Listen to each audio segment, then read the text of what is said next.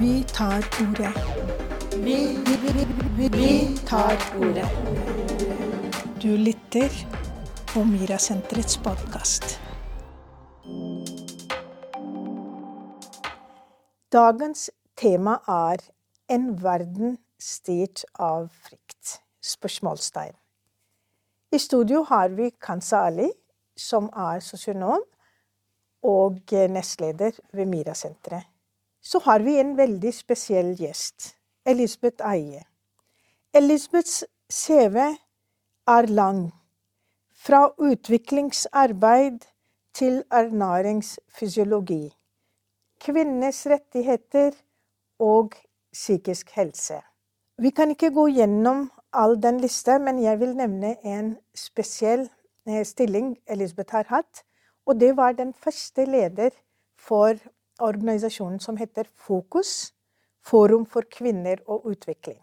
Per i dag så er Elisabeth eh, engasjert ved Norsk Gestaltinstitutt.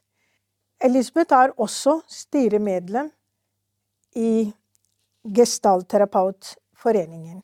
Og i dag skal vi ta utgangspunkt i en av hennes artikler som kommer i Norsk Gestalttidsskrift. Det er fagtidsskrift for gestaltterapeuter. Og artikkelen heter jo det samme som dagens tema er. En verden styrt av frykt. Så Elisabeth, vi kan jo begynne med mm. deg. Mm. Er verden styrt av frykt? Eh, jeg tenker det. Som du sa, så er jo artikkelen min en slags oppsummering av min livserfaring, vil jeg si. Du sa at jeg hadde jobbet med utviklingshjelp og kvinners rettigheter.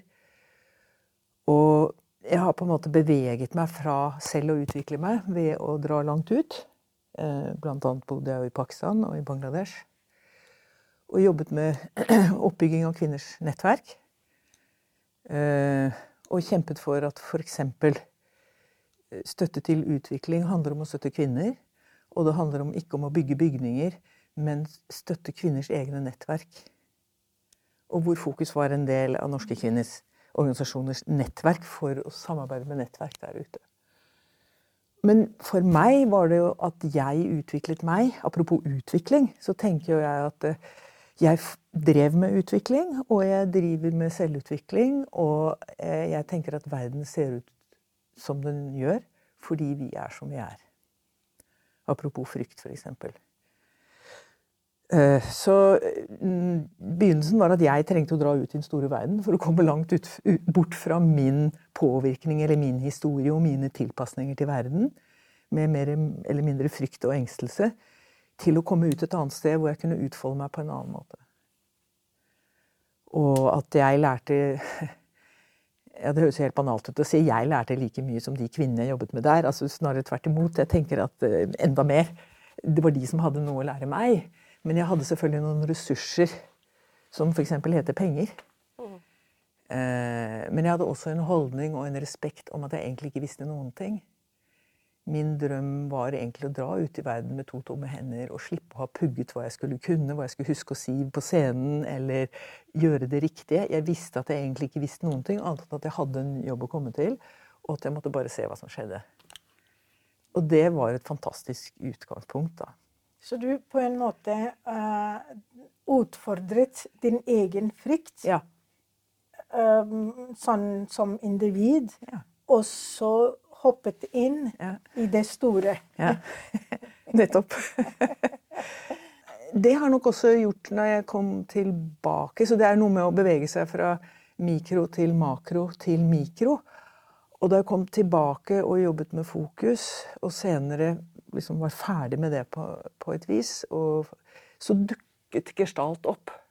Jeg møtte en person gjennom tre år så var det en person, eller tre, som sa at ja, skal ikke du begynne med gestalt? Her var det for noe, liksom. Så gikk det et år til. Eh, så var det en til som sa det. Eh, og så sluttet jeg i mellomtiden i Fokus, det husker jo du, for du mm, satt jo i styret der. Eh, og tenkte hva gjør jeg nå? Jo, jeg vil jobbe med mennesker fortsatt. Jeg trenger noe som styrer meg. Og da begynte jeg å få tak i at jeg hadde et behov for å ha noen å bli korrigert av. At jeg ikke bare gikk rundt og mente hva jeg ville, eller styrte folk i noen retninger. Og da husker jeg jeg gikk på skitur til Kikkut. Og da var det en av disse personene som sa ja, har du begynt med gestalt, da? Og da var det sånn nå var tiden inne. Ja. Og det er en match. ikke sant? Da var jeg kommet til et punkt hvor jeg hadde kontakt med hva som var mitt behov. Mitt følte behov. Og da gjør vi riktige valg. Ehm, så jeg hadde ikke latt meg pushe, men de hadde på en måte sett noe som ikke jeg hadde sett ennå. Tre år før, f.eks. Og det hører også, så når jeg da begynte på gestalt, så leste jeg Så visste jeg hvor jeg hadde lagt fra meg brosjyren. Jeg visste akkurat hvor den lå. Tre år tidligere hentet den, og så sto det I gestaltterapi er terapeuten også en del av feltet. Wow, dette skal jeg. Og for første gang i mitt liv så gjorde jeg et valg uten frykt. Det var ikke sånn Ja, men bør jeg ikke gjøre noe annet først? Kan jeg leve av dette? Kan jeg tjene nok penger? Blir jeg flink nok? Da var jeg altså 42 år. Det er første gang i mitt liv jeg gjorde et valg på den måten. Og liksom bare tenkte ja, her skal jeg inn. Jeg ble jo intervjuet og sånn. Ja, fint, hei. Og liksom, jeg tok for gitt at det var greit. Og, og det, gestalt betyr jo helhet. Og det er en terapi som bygger på relasjon. Vi kurerer ikke hverandre. Eller, altså, igjen, jeg er terapeut. Forskjellen er bare nå at nå får jeg betalt for å være andres terapeut. Men jeg går i terapi hele tiden. Det redskapet jeg skal bruke, er min varhet. Hva jeg blir oppmerksom på. Hvordan påvirkes jeg nå av denne klienten min? Og hvordan påvirker jeg den klienten? Så liksom alt falt på plass, ble samlet i en helhet for meg med den gestalttilnærmingen. Som betyr skikkelse, det betyr helhet. Det betyr også figur. Hva trer frem nå? Det som trer frem nå i relasjonen, meg i forhold til omgivelsene, er det som gir mest fruktbarhet. Hvis man tar alt annet og velger figur, nei, jeg bør gjøre sånn eller jeg bør gjøre sånn, så blir man aldri fornøyd. Litt fornøyd, men aldri helt fornøyd. Ja. Så her ligger egentlig hele grunntesen for den modellen eh, som jeg Ja, har det skrevet kommer om vi i- så kommer komme vi tilbake til. til. Så vil jeg spørre litt ja. Ja, nei, jeg tenker at det, det er jo veldig interessant det du sier, at du på en måte dro ut for å utvikle deg selv, og på en måte få liksom finne ut av hva er det som på en måte gjør deg trygg, for å kunne ta et valg uten frykt. Eh, og det tenker jeg, da må, det må man på en måte kanskje være bevisst på da, over en lengre periode før man kommer dit. Eh, men, og, jeg, jeg kjenner igjen veldig mye av det du sier, også i det du også har skrevet, at man tar valg eh, kanskje basert på frykt. Eh, det kan være små valg ikke sant, som ikke har noen sånne store omveltninger i ens eget liv. Men jeg tenker hvis du kan si litt om det på en måte Hva er det som gjør at Hvordan kommer man dit, da? Mm, Ja, ja altså, for- jeg tenker også litt på at eh, veldig mange kvinner, f.eks. migrasjon generelt ikke sant? Migrasjonsprosess er jo egentlig akkurat Du dro til den store verden, em, men du visste at du allerede har et trygg plass til å komme tilbake til. Men veldig mange som hopper inn i det, den store verden, og ikke nødvendigvis uh, har noen mer en tvungen tvungen- ja, migrasjon. Og, ikke sant? og har noen til, til kommer tilbake til heller. Ikke sant? Så, så frykt styrer jo veldig mye. Eh, mm, eh, både den prosessen eh, og tilværelsen når man har landet på et sted. Ikke sant?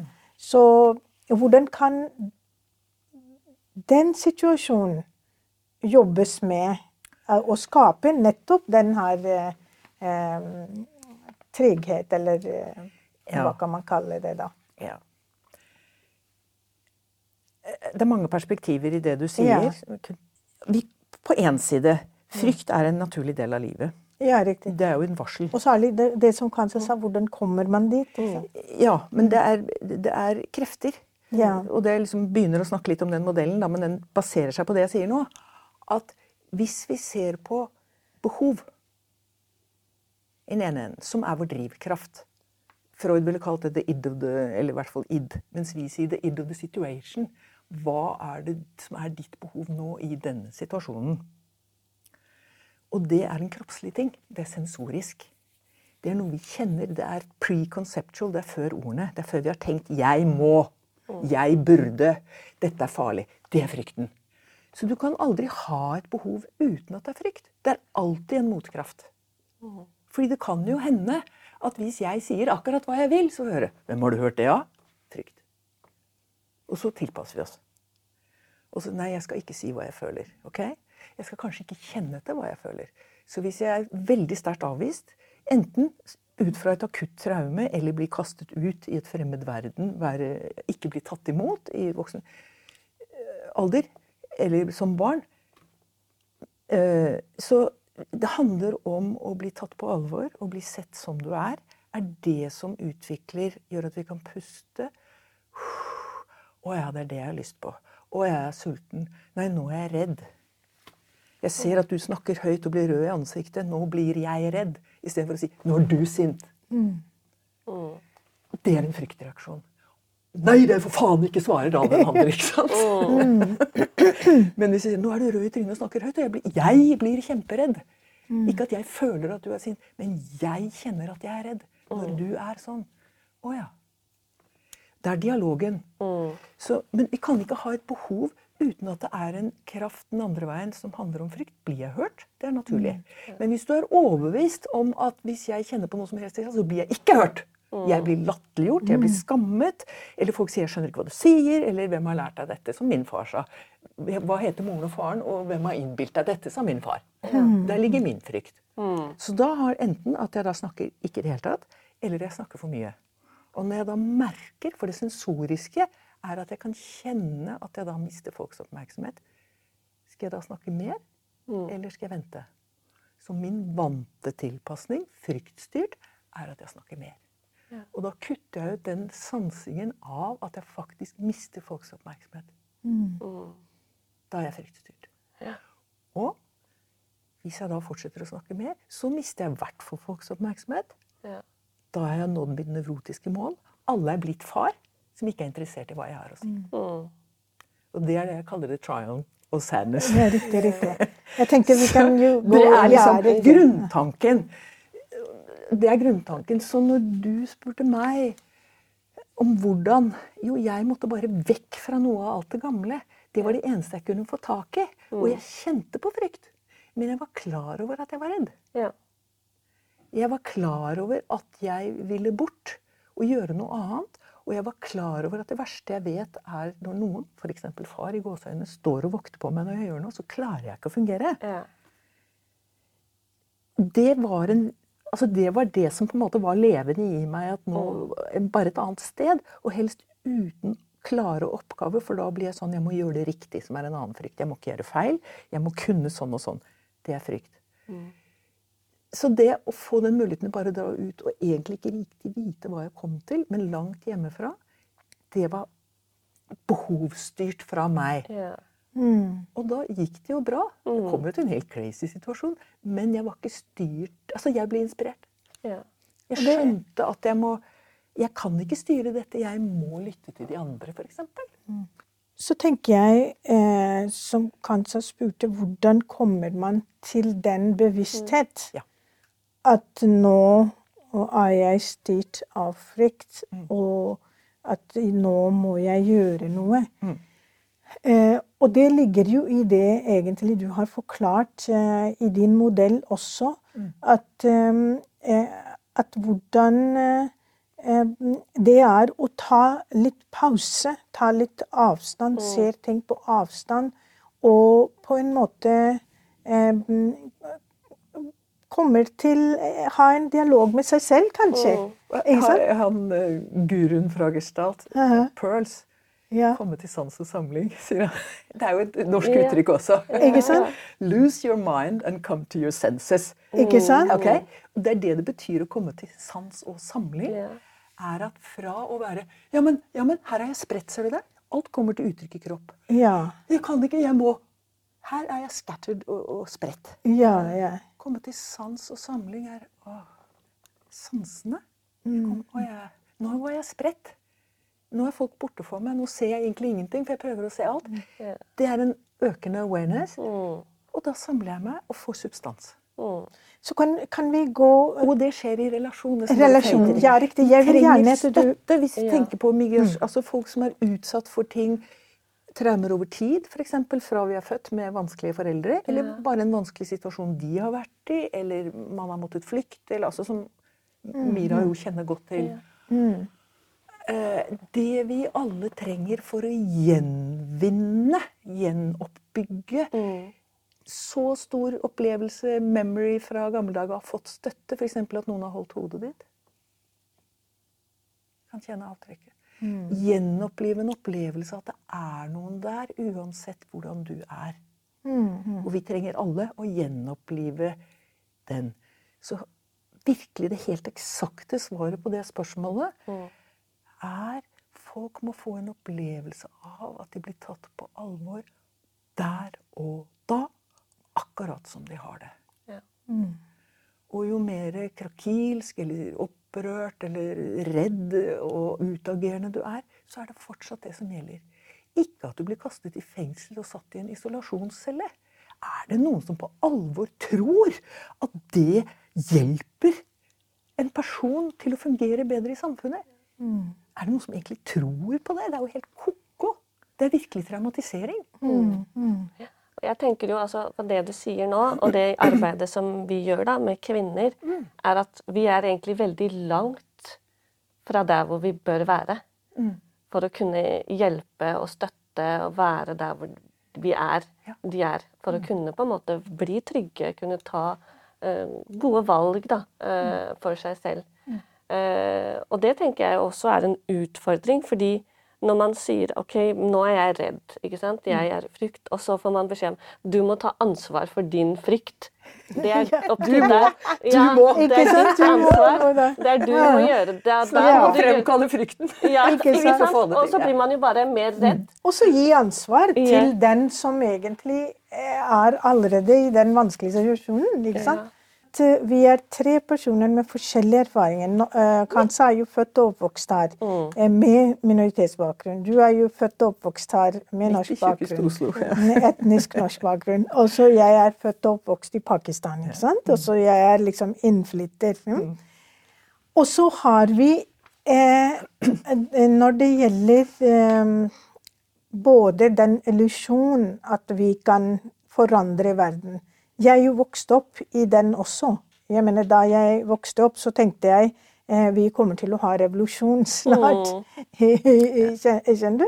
Eh, og vi kjempet jo mot eh, eh, fremmede makter og sånt som styrte Pakistan. Og mm, du som eh, utviklingsarbeider reiste jo rundt, og du og hadde også eh, eh, en håp og illusjon at eh, ja, vi kan påvirke. Og kanskje som har vokst opp, eh, har, eh, har også hatt den eh, mm, håp og illusjon at ja, vi kan mm, påvirke. Og vi som jobber på Mira-senteret, eller etablerte Mira-senteret, eller Fokus eller andre organisasjoner, alle har jo hatt den eh. Det håpet, altså den illusjonen. At, og og jeg, jeg er helt enig i at vi trenger mm, eh, håp. Vi trenger oss eh, den troen på at vi kan påvirke eh, endringer. Og selvfølgelig, det gjør vi også. Det er ikke eh, det. Men eh, tilbake til den her eh, em, din eh, trekantsmodell. trekantsmodell. Eh, jeg vil gjerne at du forklarer den litt. Hvordan kan eh, Hvordan skal den eh, fra den stor samfunn til individnivå, ikke sant? så igjen i den storsamfunn.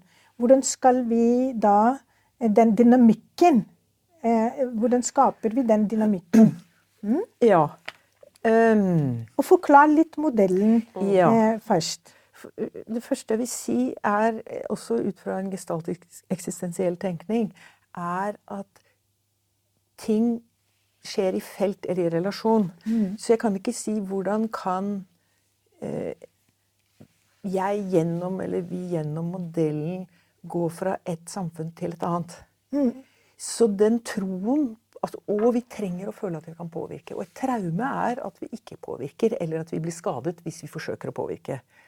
Og For å ta et eksempel da fra, nå, fra den tiden jeg vokste opp, så bare ved å ha håpet og troen på at vi kunne påvirke, så forsøkte vi. Det vil si at vi forsøkte å påvirke omgivelsene. Det som skjer i dag, er jo at folk heller skader seg selv. Mm. Fordi du- hvis du ikke kan påvirke der ute, så altså Det er å ta bort smerte også, da, fra den smerten du har inni deg ved å ikke bli hørt eller sett. Så kjenner du en enorm smerte, og det kan være bedre å avlede seg her. Det er greit nok. Men, men på en annen side så betyr det at gjennom sminke og alt, og farving av hår og endring av kroppen vår i sted, er en motsats til å prøve å forandre verden. Det er poenget mitt. Punkt én. Så jeg, og jeg sitter, del av artikkelen min er jo også Nå høres jeg veldig motløs ut, så avslutter jeg Hvordan skal jeg bare avslutte med å gi opp alt? og sånt? For jeg, jeg er usikker på om menneskene har fylt sin oppgave, om vi klarer det. For det er noe med at når ting blir veldig polarisert, som verden er blitt nå, og det aktuelle nå også, ser vi jo foran våre øyne. Men det er kanskje først nå vi ser det. At verden og menneskene, og ikke minst de lederne som leder nå, de var barn. Og de var traumatiserte barn. De kunne ikke påvirke. Mm. Putin, eh, han som tok på Utøya, ikke sant, kunne ikke påvirke. Det klarer de nå. Ved å bli terrorister på en måte, eller bli aggressive, så påvirker de jo en hel verden, faktisk. De klarer det. Men de gjør det jo på en skadelig måte. Ikke en dialog, men med angrep. Jeg ser jo hvordan Israel påfører påfører samme skader. Og jeg tenker at Det vi har oversett som samfunn, verdenssamfunn, er at vi kunne utnytte og utnytte verden. Satse på våpen, satse på eh, lineær vekst. Eh, kurativ tenkning. Hvis det noe er i veien for oss, så bare dreper vi det. Hvis det er noe er bra, så tar vi alt. Det er en lineær tenkning og ikke en omsorgsfull tenkning. Ikke at vi er en del av verden. Nei, vi skal utnytte den. Og den har pågått så lenge at jeg, at jeg også mister motet. Jeg tror faktisk ikke det går bra. Jeg tenker jorden overlever, men om menneskene gjør det, det er jeg ikke sikker på. Så hva gjør vi da? Jo, jeg merker at hvor kan jeg være et sted hvor jeg fortsatt kan påvirke og utvikle meg? Der hvor jeg kan ha kontakt, og de feltene jeg kan ha kontakt i nå, er i terapirommet. Mm, mm. Da er det terapi for meg og den personen. Og jeg tror på at det mindre feltet påvirker det større. Jeg tror fortsatt at verden ser ut som den gjør, fordi vi er der vi er. Mm. Jeg tror også at det er mer effektivt hvis jeg jobber med ledere i en institusjon, eller kunne coache eh, Putin. Men noen er dessverre irreversible. Noen må du tenke på at nei, de går ikke an. De er så fryktstyrt at det er vanskelig å påvirke dem. De åpner ikke ørene, de lytter ikke.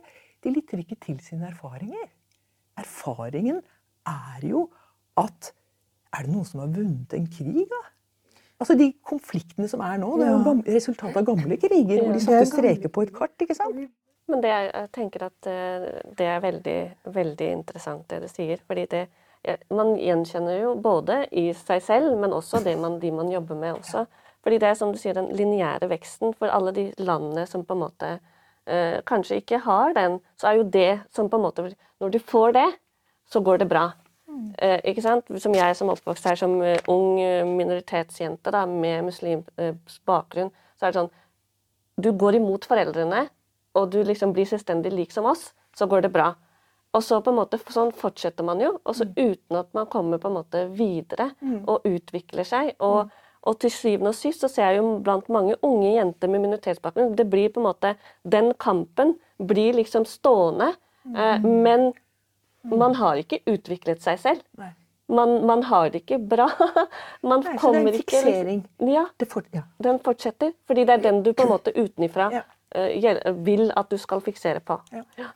Så vi blir fiksert i våre tilpasninger. Ja, og det tenker jeg også gjelder jo også disse, de landene som, sånn som Putin og, Ja. og de Ja, de bare at gjør mer, ikke sant? Ja, de bare gjør mer.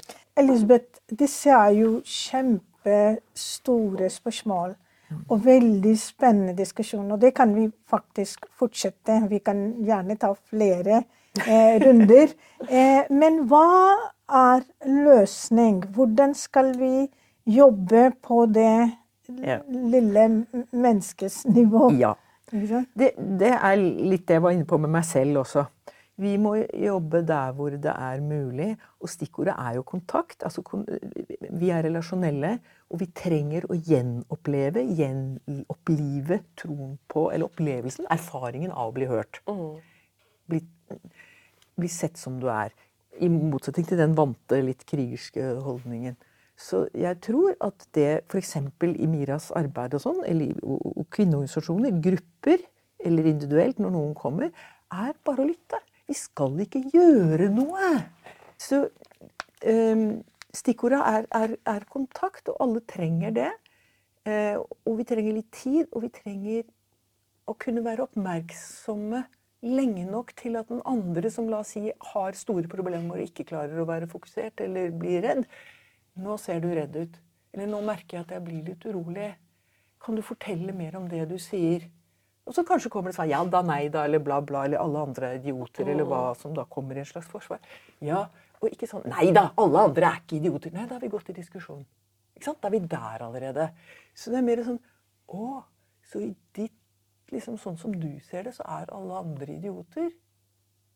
Nei, nei, jeg mente ikke Da begynner vi å få en kontakt. Mm. Så vi må ta, ta, folk på alvor og ikke skulle forandre dem hele tiden. Eller hjelpe dem. Mm. Det er den skumleste Altså, Hjelpesektoren er jo full av kvinner, for vi vil jo gjerne hjelpe. Mm. det går ikke! Vi blir bare utbrent. Ja. Vi tar på problemene på oss. Men jeg tror vi må jobbe i det små. Vi klarer ikke å forandre hele verden sånn som det ser ut nå. Men jeg tenker vi må, der hvor mm. vi kan påvirke, er i de små sammenhengene, avgrensede felt, mm. hvor folk kan agere ut, og vi kan lytte. Og dele. Ja, en verden styrt av frykt. Men vi kan jo gjøre noe med å endre den situasjonen. Og endringer ligger jo på mange forskjellige plan. Men det beste er å begynne med personen. Med jeg, med deg og med deg. For jo nærmere vi kommer til oss selv, og jo mer forståelse har vi av våre egne reaksjoner, av våre, e, vår egen frykt, så kanskje det er lettere å forstå andres, og kanskje det er lettere å forstå hvordan eh, vi, våres liv, styres, og samme måte styres andres liv. Så kanskje vi kan bygge relasjoner mennesker imellom og kjære venner, det er relasjoner mennesker imellom. Gode, kjærlige relasjoner som skal hjelpe oss til nettopp å forebygge frykt.